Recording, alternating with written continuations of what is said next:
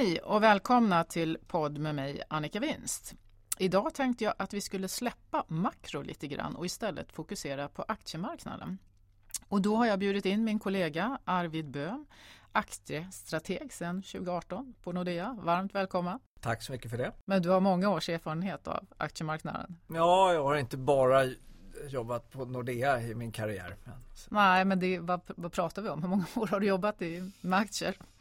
Eh, det blir 20-25 år. Ja, kan en hel del med andra ord. Varmt välkommen, roligt att du vill vara med. Eh, Å ena sidan så har vi nu ett vaccin förhoppningsvis runt hörnet och därmed kanske en konjunkturåterhämtning eller till och med en rekyl eh, under nästa år. Å andra sidan så har vi ökad smittspridning med nedstängningar som följd. I den miljön så slår aktiemarknaden rekord. Eh, är det expansiv penningpolitik fortfarande och att det inte finns något alternativ eller är det en kombination med vaccinet? Vad är dina reflektioner? Ja, backa ett halvt steg tillbaka och, och sätta oss någonstans i positionen december för ett år sedan och kanske i början på januari. Där före jag, pandemin alltså? Före pandemin, framförallt hos mig. Jag, jag underskattade de signalerna som kom och kunde inte lägga pusslet så tidigt. Utan det pusslet som vi la vid den tidpunkten var att vi hade haft en konjunkturell dämpning under en ett, ett och ett halvt år. Vi hade haft en penningpolitisk lättnad ungefär under lika lång tid. Och vi hade dels erfarenhet och, och modellstöd som pratade om att den här konjunkturdämpningen den har nog möjlighet att bottna och, och, och, eh, vid halvårsskiftet eh, i år. Eh, och sen så eh, kommer vi få av allt att döma en successiv återhämtning. Så såg mönstret ut. Och sen kom pandemin och stökar till det på många sätt. Och, och självklart fick man ju kasta ut alla sina modeller och, och, och försöka hitta andra styrmedel, hjälpmedel för att försöka bedöma läget. Det intressanta var tycker jag att, att när läget lite normaliserade sig efter, kring sommar, sommarmånaderna och in i hösten där restriktionerna var eh, inte alls lika omfattande etc. Då, då kom mycket av de här gamla korrelationerna tillbaka och vittnade precis om den här konjunkturella återhämtningen. Så att jag, jag ser med tillförsikt på att underliggande allt det här så finns det en, en konjunkturell återhämtning. Den kommer av allt att döma eh, få ännu större kraft med den penningpolitik politiska lättnad som har kommit i kölvattnet av pandemin och de förberedelser på eh, finanspolitisk expansion som också ligger i korten. Och det här med att det inte finns något alternativ när räntan är så nedpressad. Alltså vi hade ju expansiv redan sedan finanskrisen 08 och sen så brassade man på enormt mycket mer under pandemin, vilket säkert var rimligt när man var i den akuta fasen. Men det har ju också gjort att det har varit svårt att hitta andra alternativ. Man har fått tillgångsinflation. Eh, hur, hur viktigt är det? Och, och vad jag hör i din fråga är ju eh, är marknaden blivit uppgiven och, och kastar sig över vilken avkastning ja. till vilken risk som helst. Eh, och jag skulle vända mig lite mot den beskrivningen. För att det som har kommit att kallas för att eh, det, det, TINA-begreppet. då. Eh, Förklara för de som inte vet vad det är. Eh, there is no, no alternative. Och, och, och, om det skulle stämma till 100 procent då skulle man förvänta sig att riskpremien som finns för att man investerar i aktier den skulle ha gått ner kraftigt. Eh, och att, att eh, eh, man så att säga, inte kräver samma riskkompensation för att utsätta sitt kapital för den här risken. Och hur vi än vänder och vrider och räknar på det här så hittar inte vi det. Riskpremien på aktier idag är i princip helt i linje med ett långsiktigt genomsnitt. Utan all så att säga, förändring som har skett den kan förklaras av räntan har gått ner och det har tagit ner avkastningskravet men riskpremien finns faktiskt kvar där. Hade det varit så att vi kastade allt över ända och säger att jag köper in risk i min pensionsportfölj för det finns inget alternativ. Då hade jag förväntat mig att den här riskpremien hade tryckts ihop. Och det har den ännu inte gjort. Det kanske kan komma men det har ännu inte skett utan allting kan förklaras av räntenedgången. Mm. Vi skulle inte prata makro sa jag, men jag kommer ändå in på det. Eh, för jag tänker på, på det du sa med konjunkturen. Alltså ett skäl till att vi ser att det finns förutsättningar för en återhämtning är ju att det här är en extern chock, eh, pandemin, och inte att någon har problem med sina balansräkningar i bemärkelsen att man behöver spara sig ur det, vilket är det normala när man har varit i kriser. Ibland är det hushållen som behöver spara, ibland är det länder, ibland kan det vara en kombination av, av det hela. Men det betyder ju också att det finns förutsättningar och vi ser ju redan att vi har haft en snabbare återhämtning. Alltså om, man, om man tänker sig som ett V i den här kraftiga raset som vi såg i våras så har det studsat upp snabbare än under finanskrisen och V är mycket tajtare vi har kommit tillbaks eh, snabbare. Vad betyder det för aktiemarknaden? Att det är en extern chock och att balansräkningarna är okej? Okay. Ja, nej, och, och, och, när vi pratar om balansräkningar så får vi väl ändå påminna oss om det gäller framförallt den privata sektorns balansräkningar. Eh, väl så viktiga men, men det, det, i kölvattnet så får vi kanske också påminna oss om att någonstans så har vi någon, någon annans balansräkningar som har blivit lite mer urholkade framförallt den offentliga sektorn då. Men och, och det här är ju, blir ju gynnsamt för aktiemarknaden, företagen. Eh, det finns helt andra förutsättningar för en snabb återhämtning eh, den här gången än i tidigare kriser. Mm. Och vaccinet då som eh, vi nu får det ena företaget efter det andra som ändå visar eh, imponerande starka siffror och effektivitet i det som de levererar och också tycker jag imponerande med tanke på snabbheten att man nu såg jag senast att man räknar med att man ska kunna börja runt Lucia i USA vaccinera folk. Ja och det var till och med idag på morgonen signaler från Storbritannien att de tänkte kanske börja vaccinera eh, redan första veckan i december. Vi får väl se, det är väldigt mycket information. Men det blir ändå ganska få individer antar jag liksom inledningsvis. Men vi kommer igång tidigt, vi har flera vaccin, de verkar vara effektiva och det har vi nu fått ovanpå den här eh, externa chocken som inte är ett balansräkningsproblematik med mm. möjlighet för eh, mm. återhämtning. Hur ser du på det då? Nej, men det, är otroligt viktigt och det, det, är därför vi i vår senaste uppdatering och vår bedömning som vi gör har marknaden en helt annan förutsättning att se igenom de kortsiktiga problemen som ändå finns. Det finns eh, ökade restriktioner Eh, det finns till och med eh, lite bredare lockdowns i en del ekonomier. Hade vi haft det eh, tillsammans med inga goda utsikter för ett vaccin då hade vi sett en helt annan marknadsförutsättning.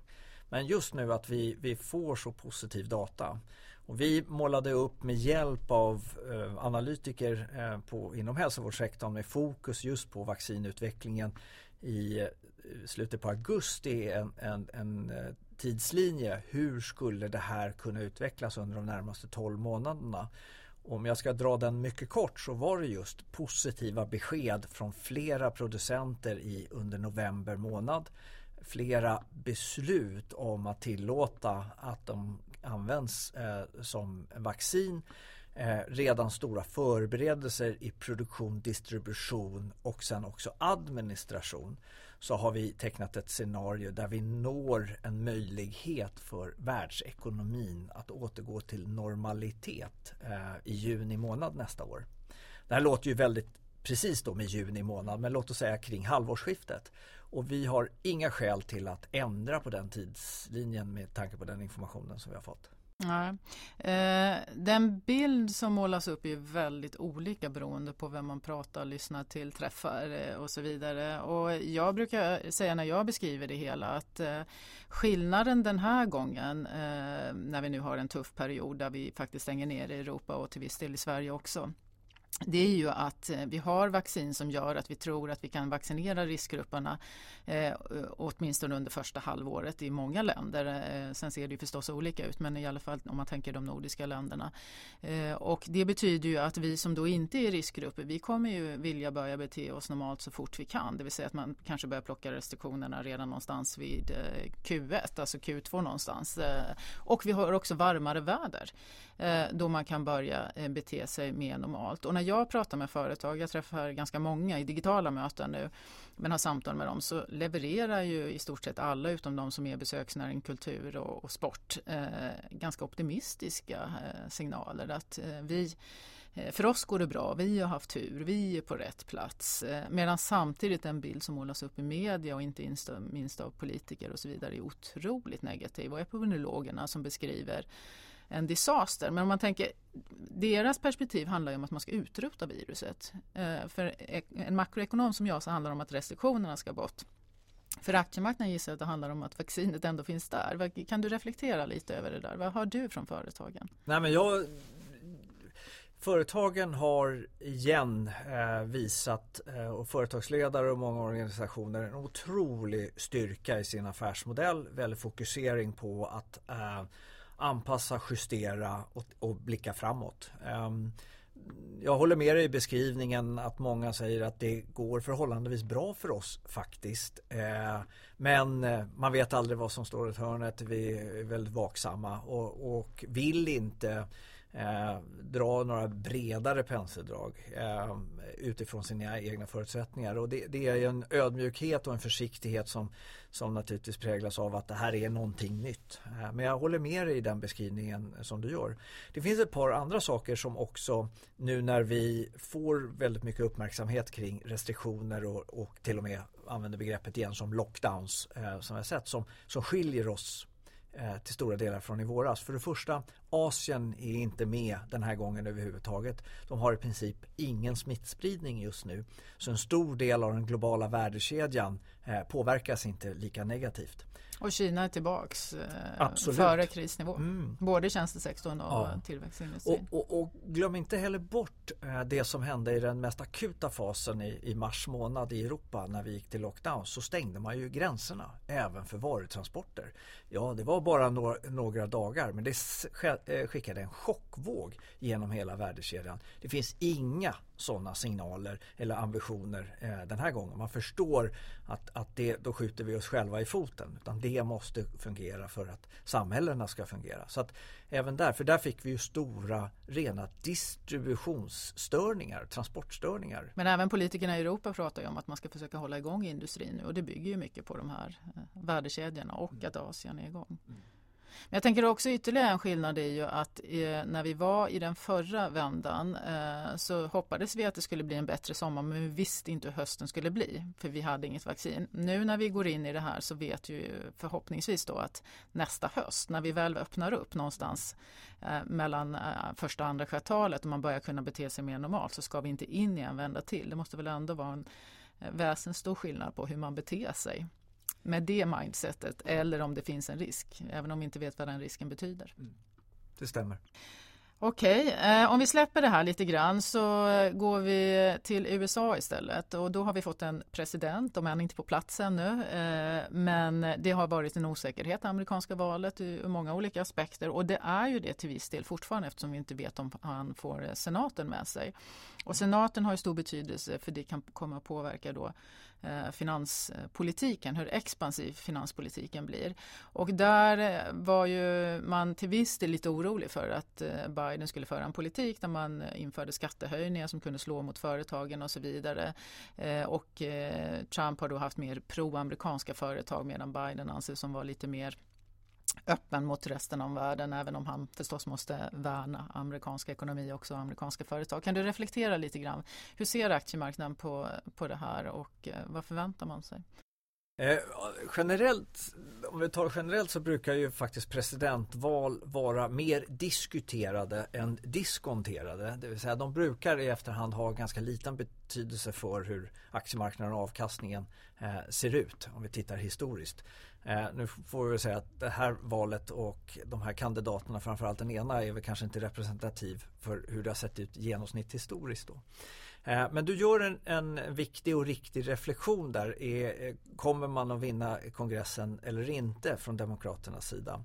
Eh, och bara säkert alla lyssnare kan det här eh, väldigt väl men det vi har framför oss är ju två eh, nyval i, i, i Georgia eh, den 5 januari. Eh, det lutar väl, tycker väl jag ändå att kanske Republikanerna nyper där men vi förstår ju att det är ju av stort intresse för båda sidor att göra vad de kan så det kommer väl att, att, att skickas in många resurser. Eh, skulle Demokraterna vinna det så skulle man ju få eh, lika många platser i, i senaten, eh, både republikaner och demokrater. Och, och, skulle det hamna i en situation med omröstning där det är lika så är det ju vicepresidenten som, som, som bestämmer. Eh, om vi säger, oavsett hur valet går och, och, alla de här delarna, skulle man ha majoritet i senaten då har man majoritet i representanthuset och då styr man på ett helt annat sätt den finanspolitiska utvecklingen. Och jag är inte helt säker på att aktiemarknaden skulle tycka att det var jättegynnsamt. Eh, av det enkla skälet att då skulle det vara svårare för Biden att hålla tillbaka kanske de mest i sammanhanget får vi väl ändå säga mer vänsterorienterade krafterna av eh, kraftigt höjda skatter etc.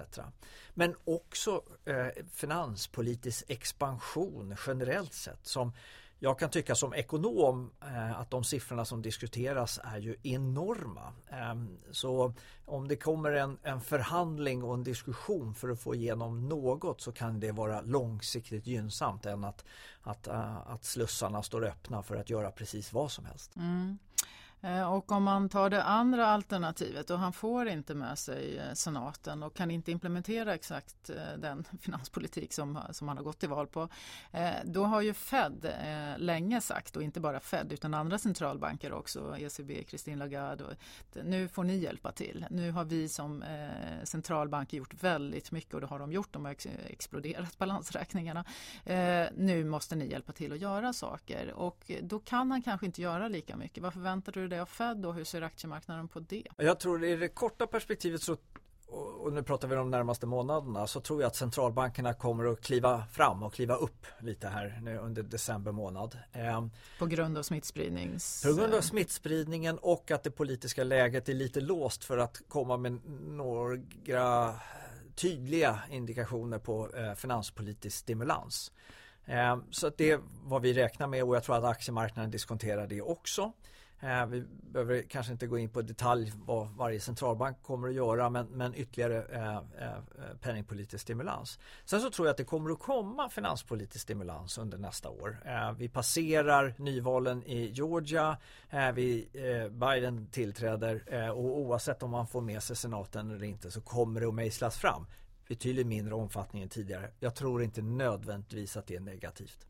Eh, men att det kommer. Och detsamma gäller väl här hemma i Europa också med den diskussionen som finns där Polen och Ungern har satt sig eh, eh, lite på kant för den extra stimulans som, som diskuteras där. Det kommer också ta lite tid men jag tror att det kommer att komma.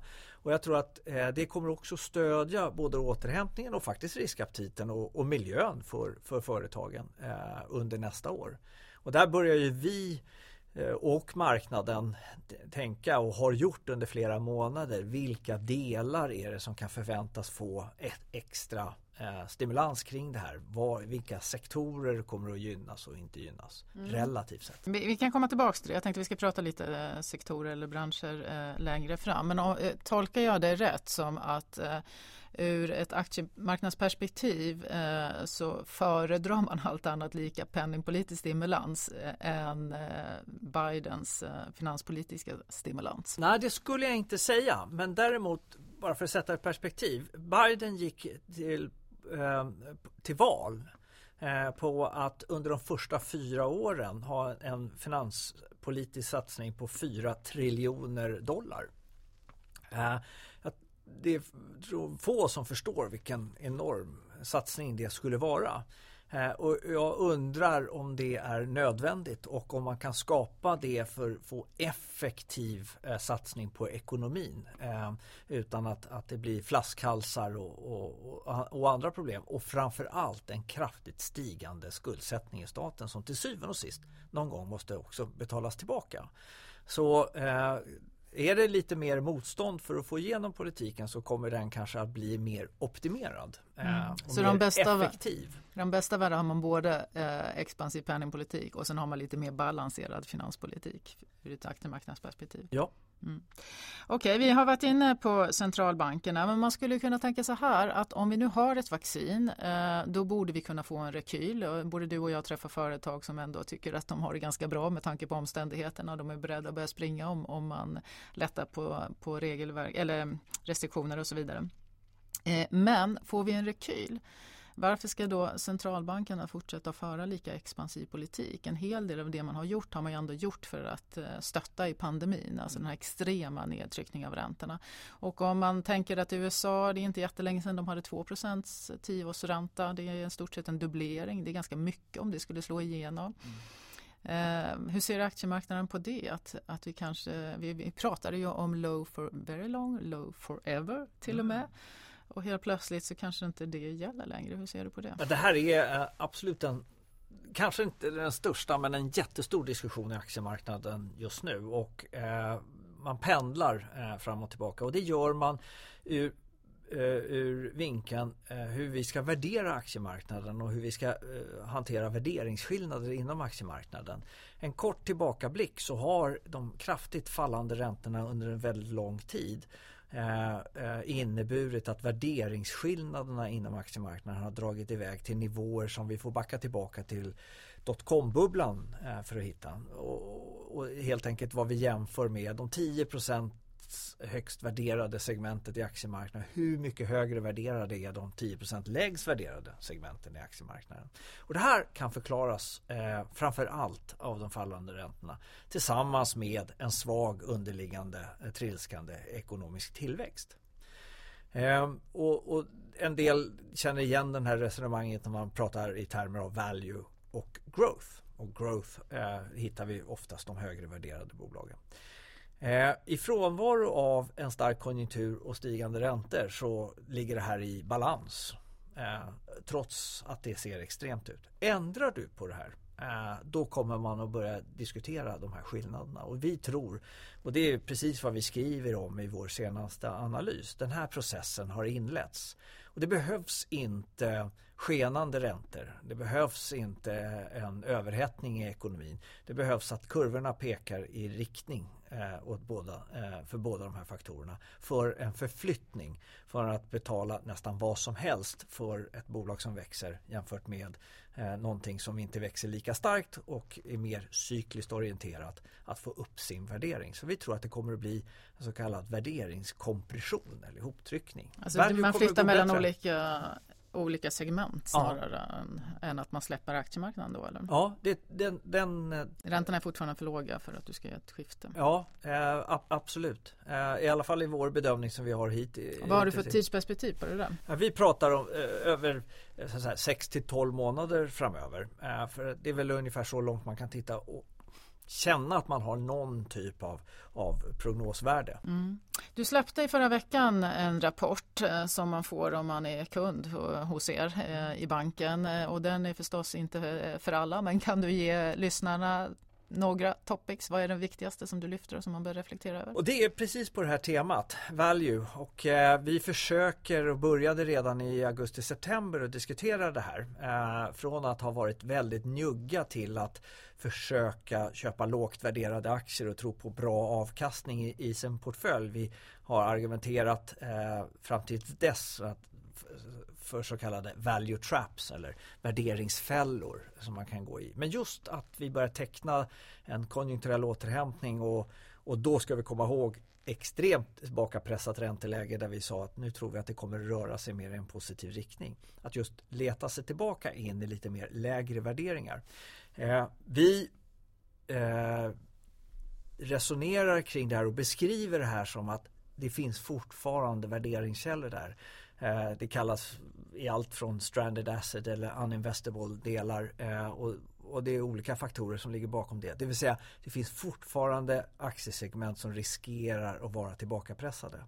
Därför vill vi ha såna, hitta sådana som är lågt värderade som kan dra nytta av den utveckling vi ser framför oss. Och vi kallar det för growing value.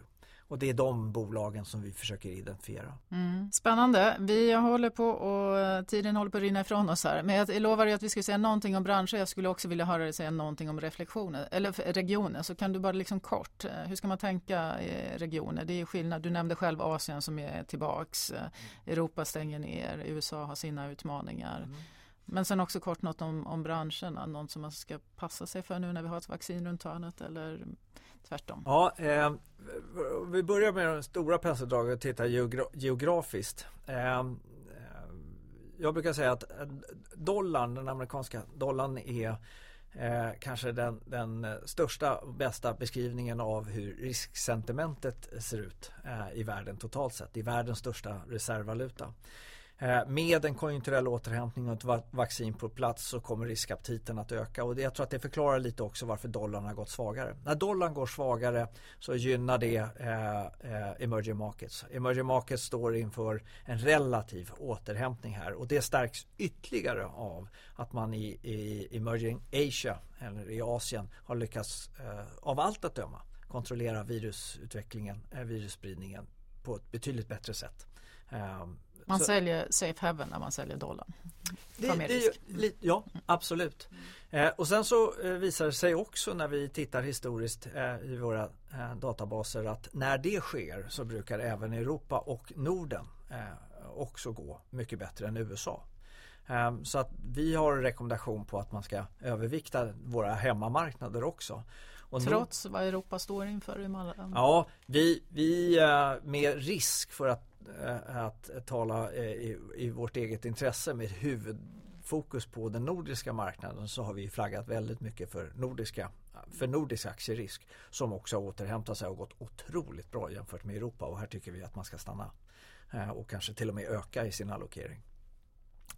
När det gäller sektorer Ehm, eh, så, så, tror jag att, att, en viktig del är dels vad är det som har skyddat din avkastning i de här oroliga tiderna? Och det har varit mycket på techsidan. Eh, där det har funnits en underliggande stark tillväxt. Det har varit mycket på hälsovårdssidan. Eh, jag tror att de kommer att fortfarande gå bra men jag tror inte nödvändigtvis att det är där du hittar överavkastningen framöver utan det är andra delar som har pressats tillbaka mycket hårdare. Eh, vi har sett en återhämtning inom det vi kallar för råvaruindustri, materials eh, och industrials. Jag tror att det kommer att gå bra eh, men där, där är inte obalanserna skillnaderna mot hur, vad vi kan normalt förvänta oss lika stora. Utan istället är det faktiskt delar inom sånt som ingen har velat ha i med tång som energidelen och energimarknaden. Hållbarhetsfrågorna kommer tillbaka igen när ja, vi är ute ur pandemin. Absolut och, och det får man inte glömma bort. Men man kanske ska påminna sig om att får vi en, en global synkroniserad återhämtning så har världen inte kommit så långt än att alternativa energikällor kan försörja all den energiefterfrågan som kommer. Så att jag tror att energipriser, läs igenom oljepriserna kommer också att stiga från de nivåer som vi ser just nu. Spännande! Eh, stort tack eh, Arvid Böhm, aktiestrateg på Nordea. Vår, eh, vi, måste avrunda här, tiden har gått eh, och eh, jag hoppas att ni lyssnare fick med er några tankar och reflektioner om hur man bör tänka framöver. Nästa gång är vi tillbaks i makro och då har jag tänkt att vi ska prata Brexit. Kanske också något som kan påverka aktiemarknaden. Det får vi återkomma till i så fall. Stort tack Arvid och stort tack ni som har lyssnat. Tack så mycket.